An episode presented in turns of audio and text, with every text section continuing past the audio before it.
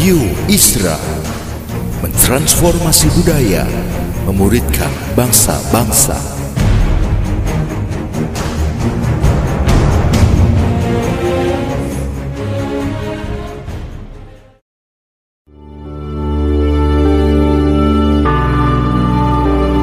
Apostolic Prophetic Messages mengungkapkan pesan dan arahan dari hati Tuhan bagi gerejanya demi menuntaskan mandat kerajaan Allah di Indonesia dan bangsa-bangsa. Selamat mendengarkan.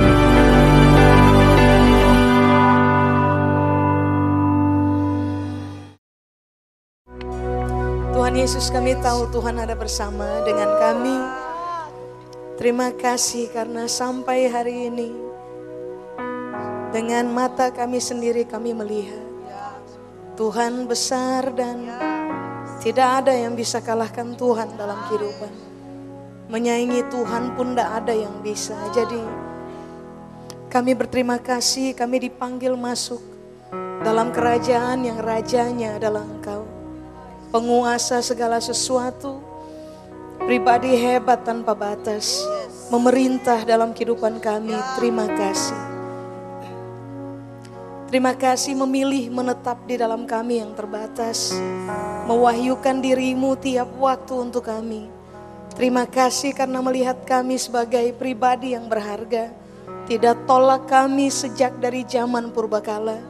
Terima kasih karena Tuhan baik buat hidup kami. Malam ini Tuhan ada bersama kami. Kami minta tolong Tuhan bicara buat kami dari firman. Roh Kudus bantu kami supaya kami mudah paham firman Tuhan. Sehingga waktu kami pulang, kami pulang sebagai orang-orang yang diperkaya dalam pemahaman akan kebenaran. Lalu berani untuk hidup taat tiap-tiap hari. Sehingga pada akhirnya orang dapat melihat Kristus dengan sangat nyata dalam kehidupan kami. Sementara kami belajar Tuhan memberkati kami. Untuk Tuhan seluruh kemuliaan. Di dalam nama Yesus kami berdoa. Amin. Amin. Silakan duduk Bapak Ibu. Shalom Bapak Ibu. Uh, Bapak Ibu saya mau berbagi kepada saudara tentang begini. Sangat penting bagi kita untuk menjadi ahli dalam kehidupan. Alkitab mengajarkannya. Jadi mari kita belajar dulu uh, apa yang sebenarnya Alkitab ajar tentang persoalan keahlian. Yang Anda dan saya harus ditemukan jago di area itu. Jadi saya undang saudara untuk buka bersama dengan saya dalam 1 Korintus pasal 9 Pak Ibu. 1 Korintus pasal yang ke-9. Mari saya baca ayat 25 sampai dengan ayat 27. 1 Korintus pasal yang ke-9 ayat 25 sampai dengan ayat yang ke-27. Kalau Bapak dan Ibu sudah dapat saya akan baca. Ayat 25 Pak, Ibu. Tiap-tiap orang yang turut mengambil bagian dalam pertandingan, menguasai dirinya dalam segala hal. Mereka berbuat demikian untuk memperoleh suatu mahkota yang fana. Tetapi kita untuk memperoleh suatu mahkota yang abadi. Sebab itu, Aku tidak berlari tanpa tujuan dan aku bukan petinju yang sembarangan saja memukul. Tetapi aku melatih tubuhku dan menguasainya seluruhnya supaya sesudah memberitakan Injil kepada orang lain, jangan aku sendiri ditolak. Nah coba saudara kembali kepada ayat 25. Kalau dalam bahasa Indonesia Pak Ibu, dalam Alkitab bahasa Indonesia, kalimat pertama yang paling awal, itu Alkitab bahasa Indonesia bilang begini kan, tiap-tiap orang yang turut mengambil bagian dalam pertandingan. Betul? Itu kalimat awal itu. Tapi kalau saudara punya Alkitab bahasa Inggris, saudara akan menemukan Alkitab bahasa Inggris bilang begini, and every man that strive for the mastery. Jadi Indonesia bilang tiap-tiap orang turut mengambil bagian dalam pertandingan. Tapi dalam bahasa Inggris yang juga tertulis dalam bahasa Yunani, bahasa aslinya, Ternyata Alkitab bilang begini, semua orang yang berjuang untuk menjadi ahli. Indonesia bilang ambil bagian dalam pertandingan. Tapi dari bahasa asli yang kemudian diterjemahkan dalam bahasa Inggris, Alkitab menekankan statement ini. Semua orang yang berjuang untuk menjadi ahli. Nah ini yang saudara harus pahami dan saya juga harus harus menyetujuinya. Alkitab mengajarkan bahwa menjadi ahli itu inti. Supaya saudara dan saya menjadi ahli dalam kehidupan, tidak ada cara lain. Saudara dan saya harus berjuang. So, keahlian tidak datang tiba-tiba. Keahlian cuma didapat dari keberhasilan perjuangan, betul? Nah mari kita lihat dulu, karena ternyata Alkitab bilang gini, semua orang yang berjuang untuk menjadi ahli, pertanyaannya, apa yang dimaksud dengan kata ahli? So, semua kita dalam hidup yang sedang Tuhan percayakan hari ini sampai dengan hari ini nih, semua kita harus berjuang supaya kita ditemukan sebagai ahli. Nah kata ahli di situ Pak, Ibu, bahasa Yunani, mastery, itu bahasa Yunani me, me, me, menyebutnya dengan istilah begini, agoni somai. Agoni somai artinya sebenarnya adalah begini. Tiap-tiap orang yang sedang berjuang untuk menang dalam perjuangan menghadapi kesukaran, bahaya, dan proses berat. Jadi Alkitab bilang, semua orang harus berjuang sampai mereka ditemukan meraih kemenangan. Waktu mereka berhadapan dengan kesukaran hidup, dua, bahaya dalam hidup, tiga, proses berat. Nah, kenapa saudara dan saya harus menjadi ahli atau orang yang ditemukan menang saat kita berhadapan dengan kesukaran, bahaya, dan proses hidup yang berat. Ada dua yang saudara dan saya akan terima Pak Ibu. Kita harus berjuang jadi ahli di area ini. Sebab yang pertama ini yang Tuhan bilang. Apa tadi Alkitab bilang, Paulus menulisnya. Kamu akan mendapatkan mahkota yang abadi. Satu, siapa pun jadi ahli dalam hidup, dia akan dapat mahkota yang abadi, yang nanti kita akan peroleh dalam kegagalan. Tapi yang kedua, ini yang Alkitab berupaya kasih tahu kepada kita.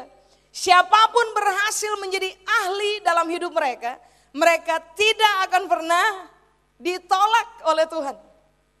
Makanya kenapa ini yang Paulus bilang, kamu harus berjuang supaya kamu jadi ahli. Sebab mahkota tidak datang tiba-tiba. Realita diterima tidak terjadi tiba-tiba. Pada hari penghakiman nanti. Saudara dan saya harus berjuang sampai kita dapat ahli. Karena pertaruhannya hebat Pak Ibu. Satu, saudara dan saya dapat mahkota dalam kegagalan. Tapi mari mari saya jelaskan yang yang ke, yang terakhir itu lebih lebih bagus kalau kata saya. Saudara dan saya akan menjadi orang-orang yang tidak akan pernah ditolak oleh Tuhan. Kata ditolak di situ itu akodimos. Jangan ditolak, itu kata yang Paulus pakai adalah akodimos. Sorry, adokimos. Adokimos itu artinya ini. Kamu harus berjuang menjadi ahli supaya nanti Tuhan menemukan kamu tahan uji. Tidak ditolak itu artinya Tuhan menemukan ternyata kita tahan uji. Waktu saudara dan saya harus berhadapan dengan apa tadi? kesukaran dalam hidup. Waktu saudara dan saya harus berhadapan dengan bahaya dalam hidup. Waktu saudara dan saya harus berhadapan dengan proses berat dalam hidup. Lalu ternyata kita memenangkan proses itu. Kemenangan atas proses itu ternyata Alkitab bilang ini. Kamu tidak akan ditolak nantinya. Kamu akan ditemukan sebagai orang yang teruji oleh Tuhan. Kata jangan ditolak, adokimos, itu pengertian yang kedua adalah begini. Kalau kamu ahli, kamu memenuhi Tuhan punya standar. Berarti kalau saudara dan saya tidak berhasil menang dalam kesukaran, hadapi kesukaran. Kalau saudara dan saya tidak berhasil menang berhadapan dengan bahaya atau proses kehidupan yang berat, ternyata Alkitab bilang ini, ah kamu tidak tahan uji, kamu tidak teruji. Tapi berikutnya, kamu tidak mem, uh, memenuhi standar. Nah, adokimos arti berikutnya ditolak supaya jangan kamu ditolak. Itu artinya begini, supaya kamu ditemukan layak. Berarti sekarang kalau ditanya, dalam proses kehidupan yang saudara dan saya sedang jalani hari ini, mau itu kuras air mata sedikit atau kuras air mata banyak, mau itu menuntut ratapan sedikit atau ratapan banyak, mau itu ringan atau bahkan sampai berat, saudara dan saya harus melatih diri kita berjuang begitu rupa supaya dalam proses ini kita harus menang. Kalau kita menang berkali-kali waktu menghadapi kesukaran, waktu menghadapi proses berat dalam hidup, Alkitab bilang, kamu ditemukan oleh Tuhan teruji, kamu memenuhi Tuhan punya standar, kamu akan dianggap oleh Tuhan sebagai orang yang layak menerima mahkota abadi. Berarti Alkitab kalau kita balik, Alkitab lagi bilang ini, kalau waktu kamu masuk dalam proses yang berat, waktu kamu berhadapan dengan kesukaran hidup, lalu kamu kalah, kamu menyerah, kamu tidak menjadi orang menang, kamu lari dari proses. Ternyata Alkitab bilang ini, satu, kamu tidak dapat mahkota. Tapi yang berikutnya Alkitab bilang, kamu tidak tahan uji, kamu tidak memenuhi standar, kamu tidak layak di hadapan Tuhan. Ngeri kan? Halo? Saya diam sekali. Berita ini tampaknya kurang-kurang sedap. Karena berkaitan dengan realita ini. Begini Pak, Ibu, saudara harus ingat baik. Bahwa dari sejak awal Tuhan tidak pernah menawarkan kembang gula buat kita. Dari sejak awal dia sudah bicara dengan sangat belak-belakan kepada semua orang yang mau ikuti dia. Kira-kira coba saudara buka Lukas pasal 9 ayat 23.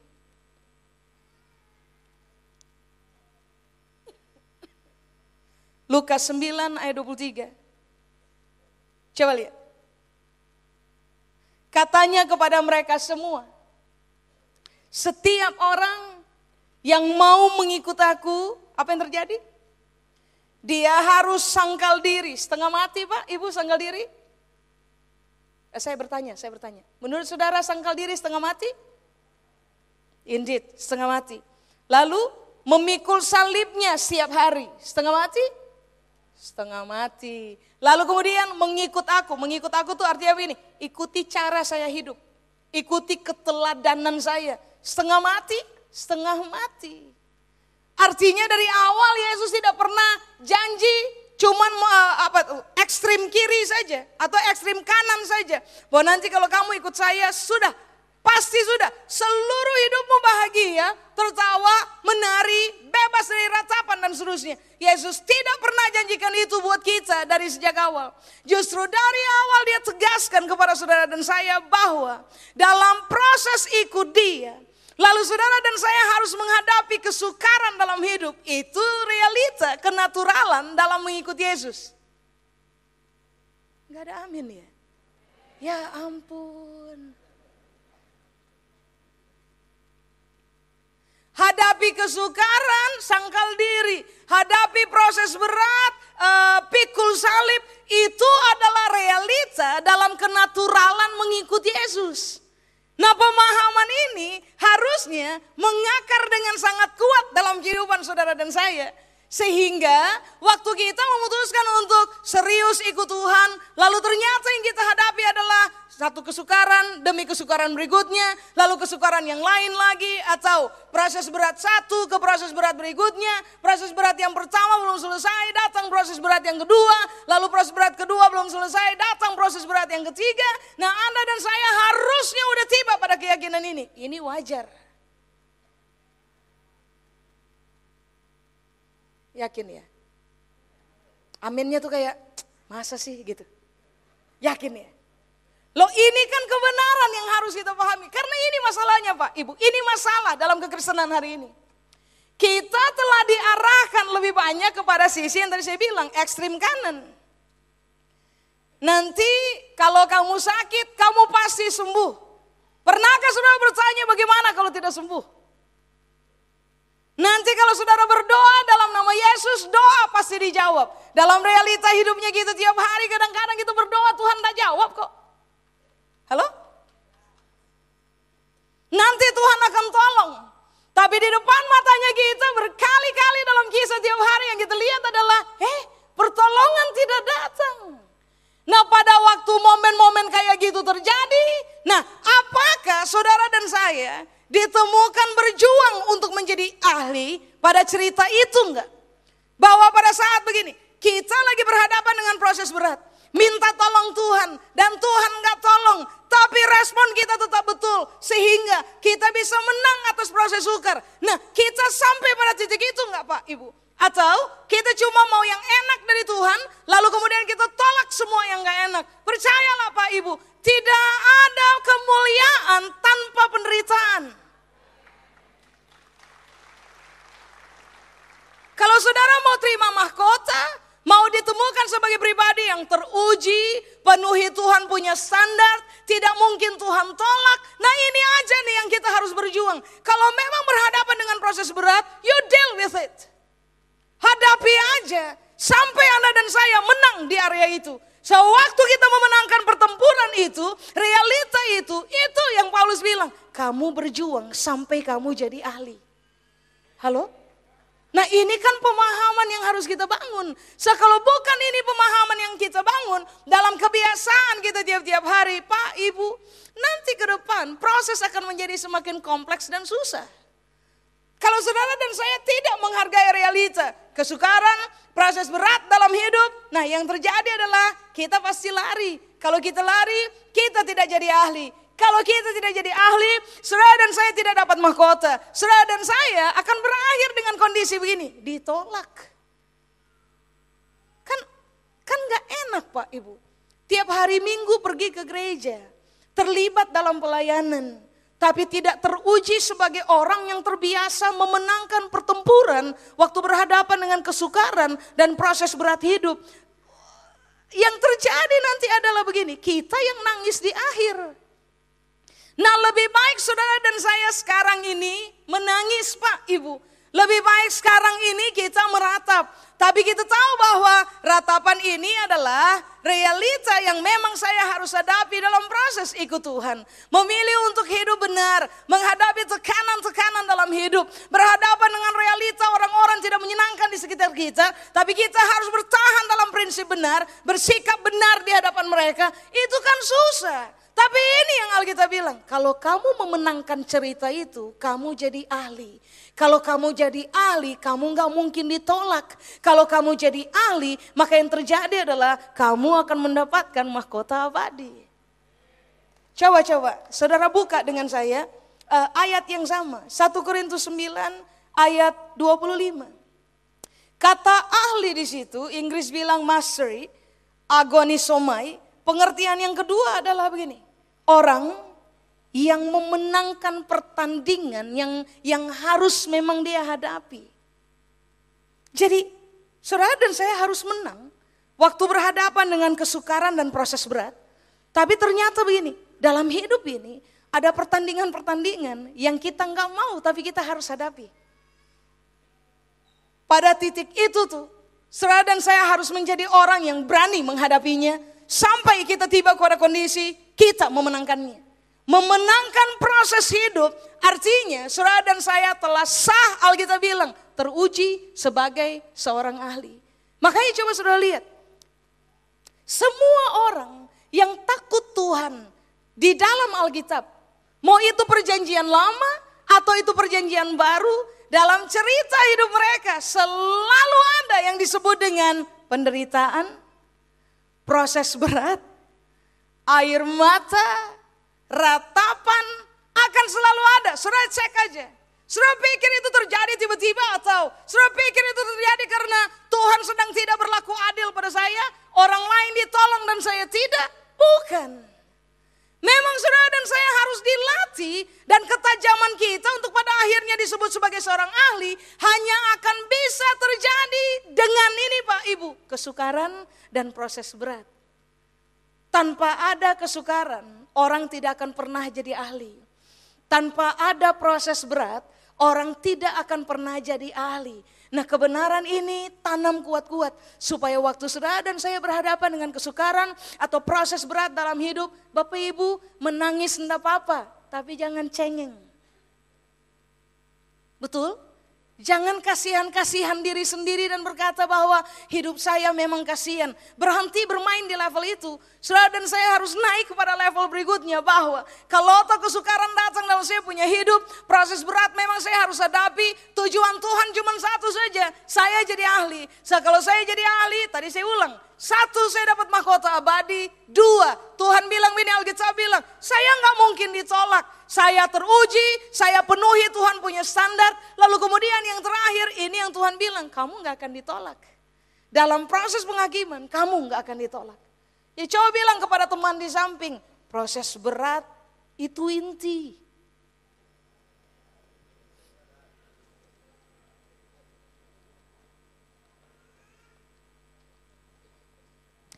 Artinya, siaplah menangis dalam cerita hidup. Siaplah meratap dalam cerita hidup. Tapi kesiapan kita itu sudah sudah dikuasai dengan pemikiran yang benar. Bahwa kita siap hadapi ini karena Tuhan tidak akan celakakan kita dalam proses berat. Kita harus berhadapan dengan proses berat karena memang kita harus terlatih menjadi ahli Supaya kita yang tertawa di bagian akhir. Semua orang yang menangis di awal akan selalu tertawa di akhir Pak Ibu. Tapi semua orang yang tertawa di awal itu selalu menangis di akhir. Sekarang tinggal kita aja memutuskan mau nangis duluan atau tertawa duluan. Mau berakhir dengan nangis atau mau berakhir dengan tertawa, itu pun keputusannya kita. Tapi ini yang Alkitab ajar kepada kita, bahwa proses berat, kesukaran dalam hidup, kepentingan cuma satu. Saudara dan saya harus jadi ahli. Amin. Makanya coba-coba, saudara buka dengan saya. Roma pasal 8.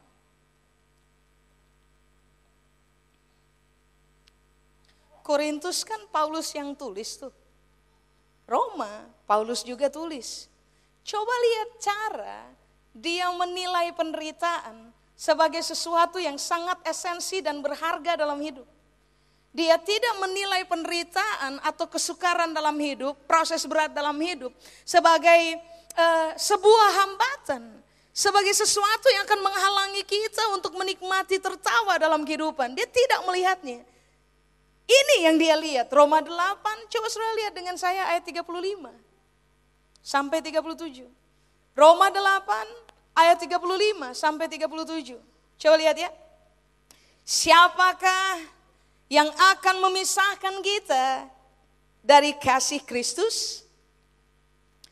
Penindasan atau kesesakan atau penganiayaan atau kelaparan atau ketelanjangan, atau bahaya, atau pedang. Jadi kan ini yang dia maksudkan waktu dia tulis ini kan. Bahwa ternyata kalau toh kamu harus mengalami penindasan, Kristus punya kasih akan tetap ada dalam penindasan itu. Betul nggak sih? Iya kan? Siapa bisa memisahkan kita dari kasih Kristus? Apakah waktu penindasan terjadi dalam hidupnya kita, Kristus punya kasih nggak ada di situ? Enggak dong. Waktu Anda dan saya berhadapan dengan penindasan dalam kehidupan, kasih Kristus tetap ada dan dan berpihak untuk hidupnya kita.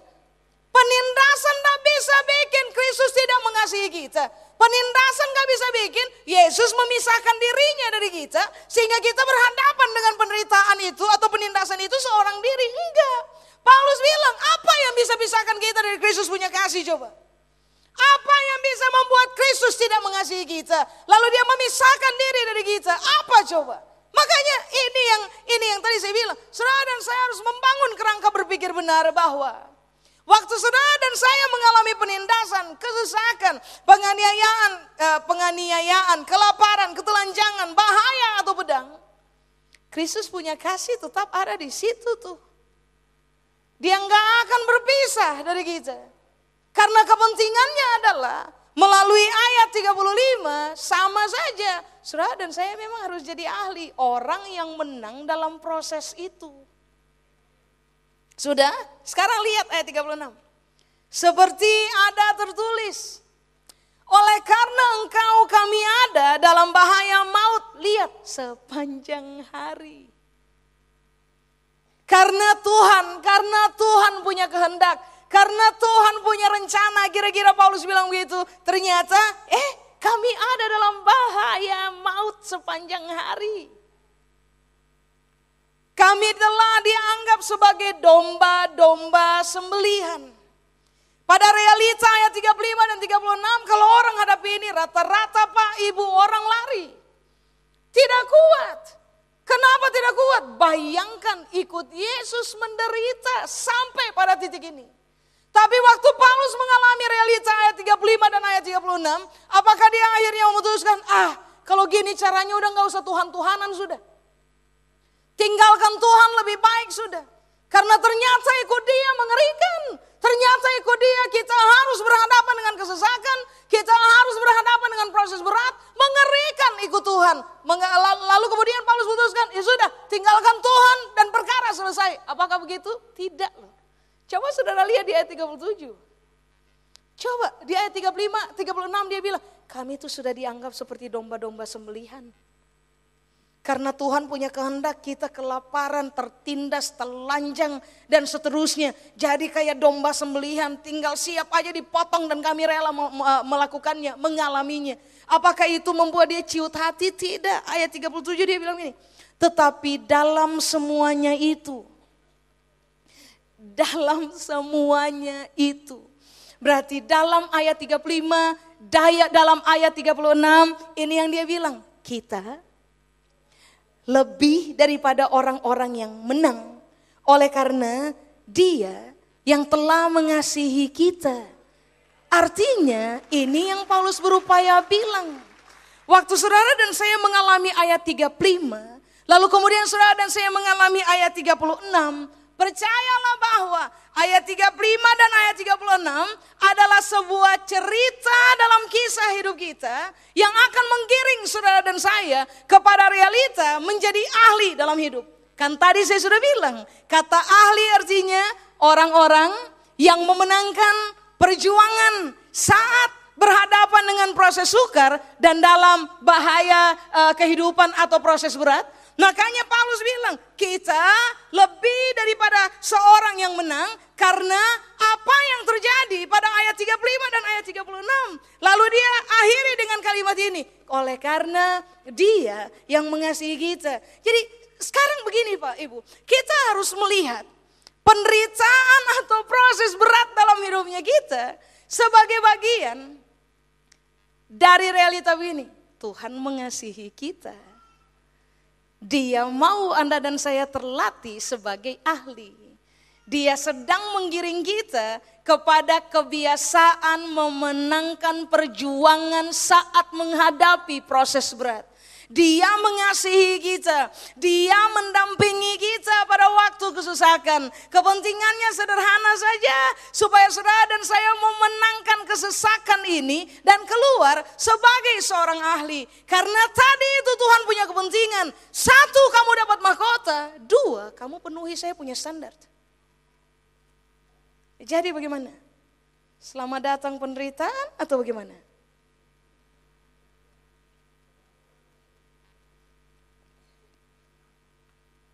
Saudara tampaknya berpikir keras. Coba buka Pak Ibu. Mazmur pasal 119.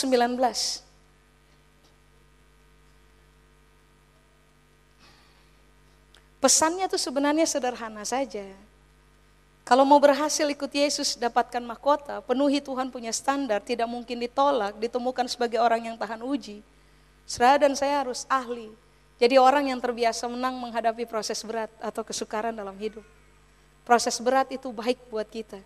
Kalau saudara dan saya tidak pernah menghadapi proses berat dalam hidup, cerita-cerita sukar dalam hidup kita, saudara dan saya akan jadi orang-orang gampang.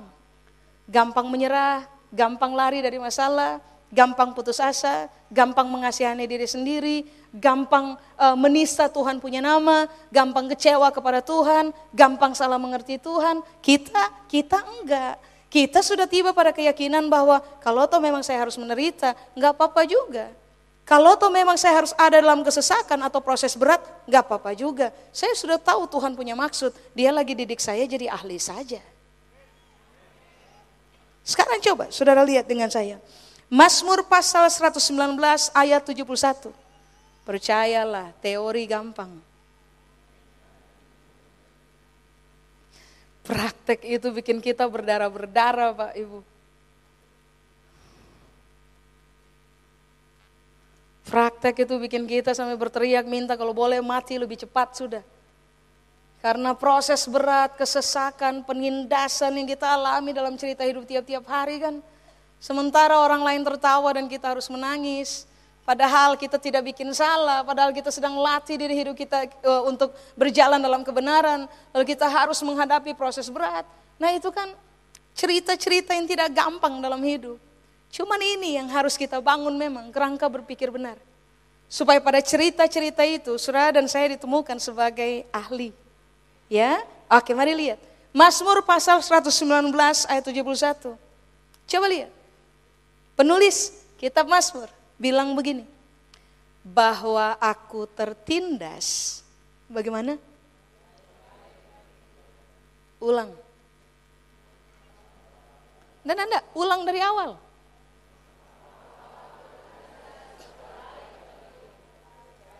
Sebentar, sebentar, jangan lanjut, jangan lanjut. Kalimat awal dulu sebelum koma. Ulang, dua, tiga. Ulang. Ulang. Sekarang bilang buat teman di samping. Bilang, bilang. You need to speak it out.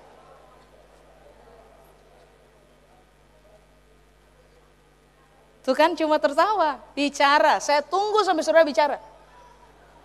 Bicara buat teman di samping.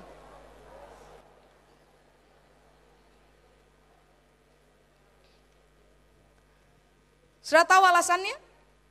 Tahu alasannya sekarang? Kenapa sampai Paulus bilang, nggak ada kesukaran yang bisa pisahkan kita dari Tuhan punya kasih. Somehow kita akan memenangkan itu kesukaran. Lalu pemazmur bilang, kalau saya tertindas, itu baik untuk saya. Coba lihat, cara mereka lihat kesukaran hidup. Cara mereka melihat proses berat dalam hidup. Mereka tidak melihatnya sebagai sebuah malapetaka.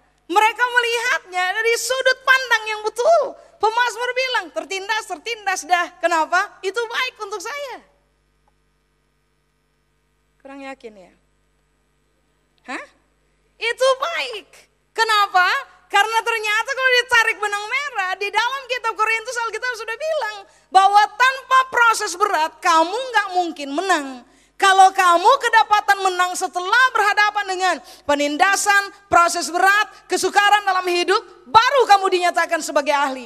Kalau kamu dinyatakan sebagai ahli, sudah tuh harga mati. Orang tidak bisa rampas hal ini dari kita. Mahkota dan penuhi Tuhan punya standar.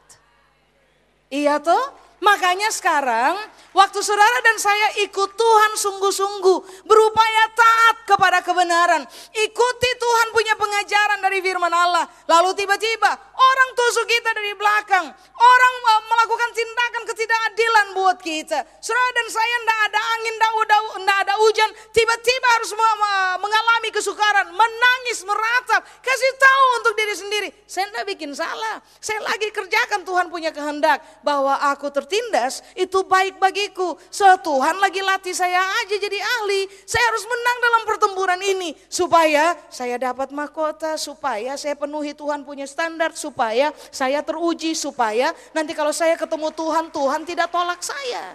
Nah itu kan yang harus kita bangun dalam kerangka berpikir kita Pak Ibu. Supaya begini, nanti ke depan kalau toh Anda dan saya akan menghadapi penindasan yang sebenarnya dalam hidupnya kita, kita tuh harga mati tuh tidak akan pernah tolak Yesus. Tidak akan pernah sangkal Yesus. Karena yang kita tahu adalah bahwa begini, penindasan itu baik buat saya.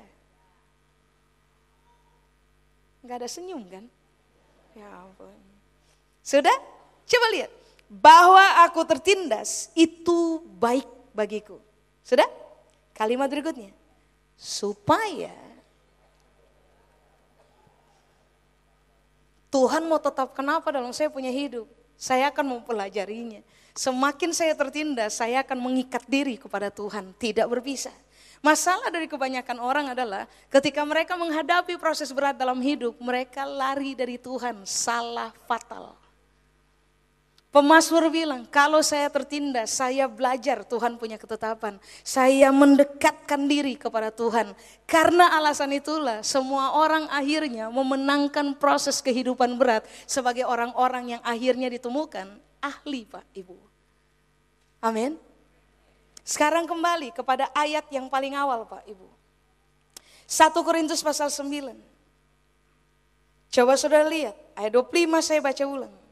Tetapi orang-orang yang turut mengambil bagian dalam pertandingan, menguasai dirinya dalam segala hal, mereka berbuat demikian untuk memperoleh suatu mahkota yang fana, tetapi kita untuk memperoleh mahkota yang abadi.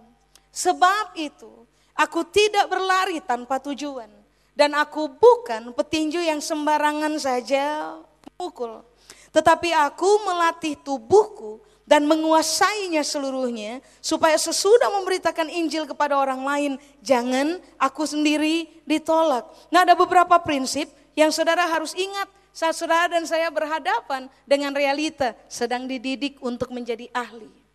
Satu, Alkitab bilang, kuasai diri dalam segala hal. Mau jadi ahli, hadapi penderitaan, Waktu penderitaan datang, kuasai diri dalam segala hal. Menguasai diri, bahasa Yunaninya bilang begini, latihanlah tahan diri. Jangan lari dari proses. Latihanlah tahan kelakuan. Jangan lari dari proses. Waktu saudara dan saya harus berhadapan dengan proses sukar dalam kehidupan, cek ulang. Ada enggak kelakuan-kelakuan yang masih enggak benar dalam hidup saya. Yang ini nih harus diselesaikan. Nah saudara dan saya harus tahan diri kita, latih diri kita. Supaya pada akhirnya eh, kelakuan-kelakuan yang tidak mewakili Kristus di dalam kita itu terselesaikan justru ketika saudara dan saya berhadapan dengan proses berat dalam hidup. Kenapa orang sering kali sudah hadapi proses berat tapi tidak juga berubah? Karena dalam menghadapi proses berat, mereka tidak latih diri mereka untuk menguasainya sampai pada titik ini. Pada bagian sukar ini, Tuhan sebenarnya sedang mau keluarkan tabiat buruk yang mana dari saya. Yang itu harus digeser dari saya punya hidup supaya saya memenangkan ini pertempuran. Kuasai diri. Lalu kata yang berikutnya, ini yang Alkitab bilang, berlari Pak Ibu. Ingatlah prinsip ini Pak Ibu. Penindasan, kesukaran, proses berat dalam hidup tidak boleh bikin saudara dan saya stuck dalam hidup. Karena kebanyakan orang ketika hadapi proses berat, mereka berhenti di situ. Meratap di situ dan berhenti tidak bertumbuh dan, dan, dan tidak berkembang dan tidak teruji dalam kematangan uh, saat menghadapi proses. Waktu Paulus mengajarkan ini, ini yang dia ikut sertakan. Dia bukan cuma latih jemaat untuk untuk ini. Waktu kamu hadapi proses berat, kamu harus kuasai diri, tahan diri. Sisi-sisi mana yang buruk dari kamu yang harus diselesaikan oleh Tuhan, kasih biar itu selesai. Tapi yang kedua, waktu penderitaan datang, jangan pernah jalan di tempat. Jangan pernah stuck. Justru waktu penderitaan datang, proses berat datang, saudara saya punya hidup, kita harus lari kepada Tuhan punya tujuan. Tujuan Tuhan dari proses berat dalam kita punya hidup bukan supaya kita berhenti di tengah jalan. Tujuan Tuhan Anda dan saya harus berhadapan dengan proses berat dalam hidup supaya kita lari kepada tujuan. Apa tujuannya? Kita sudah tahu. Jadi ahli memenangkan ini pertempuran. Amin. Oke coba lihat. Orang yang menghadapi proses. Lalu stuck Mengasihani diri sendiri. Salahkan Tuhan, salahkan orang lain, salahkan keadaan. Berpusat cuman pada diri sendiri. Serah lihat saja, mereka bukan ahli dalam kehidupan. Mereka tidak memenangkan pertempuran dalam kehidupan. Tapi coba sudah teliti, orang-orang yang begini, nggak apa-apa Tuhan, tertindas itu baik. Saya akan tetap belajar ketetapannya Tuhan. Saya akan tetap cari kehendaknya Tuhan. Saya terfokus kepada tujuan, saya lari kepada tujuan. Coba saudara lihat, cek aja hidupnya kayak begitu tuh. Mereka selalu memenangkan pertempuran apa pun yang diperhadapkan di depan matanya mereka. Ini prinsip Pak Ibu. Waktu menghadapi tekanan, jangan berhenti. Lari kepada tujuan. Tidak boleh begini, tidak jangan pernah biarkan proses berat menghambat Anda dan saya menjadi ahli dalam hidup. Jangan pernah membiarkan proses berat membuat Anda dan saya tidak memenangkan pertempuran apa pun dalam hidup. Kita sekarang udah tahu apa tujuannya kita. Tujuan dari proses berat dalam hidup adalah saya harus jadi ahli. Saya harus memenangkan pertempuran ini. Saya tidak akan stuck dengan saya punya masalah. Saya akan lari kepada Tuhan punya tujuan. Sampai pada akhirnya orang mengenal, Tuhan mengenal saya memenangkan saya punya proses hidup. Nah sisi itu kan yang harus kita mainkan Pak Ibu. Dalam keyakinannya kita, waktu kita berhadapan dengan proses sukar dalam kehidupan. Amin. Sudah, saya selesai. Kita belajar apa hari ini? Bapak Ibu, jangan cuma mau kembang gula. Justru waktu saudara dan saya berhadapan dengan proses berat dalam hidup, kecaplah penderitaan So penderitaan ini baik buat kita. Kalau kita memenangkannya, ber, dalam proses ini ber, berespon dengan benar, lari kepada tujuan, latih diri, sisi-sisi mana yang harus selesai dari saya, kasih biar Tuhan selesaikan. Supaya akhirnya saya ditemukan sebagai ahli. Karena kita sudah tahu, kalau tujuan Tuhan bikin saya jadi ahli, maka saya akan bermain sampai pada titik itu. So kalau saya jadi ahli, tadi saya ulang, satu, saya dapat mahkota abadi. Dua, saya tidak ditolak Tuhan. E, tiga, saya memenuhi Tuhan punya standar. Empat, saya teruji di depan mata Tuhan. Kalau Tuhan uji kita dan kita teruji, manusia siapa pun boleh uji kita dan kita pasti akan teruji. Nah sisi ini kan yang harus kita mainkan dalam hidup tiap-tiap hari Pak Ibu. Harga mati, proses berat itu selalu hasilkan ahli. Amin. Sudah? Saudara bisa bilang pada teman di samping, selamat datang proses berat. Karena setelah ini saya jadi ahli. Kalau saya jadi ahli, saya dapatkan mahkota. Kalau saya jadi ahli, saya penuhi Tuhan punya standar. Amin.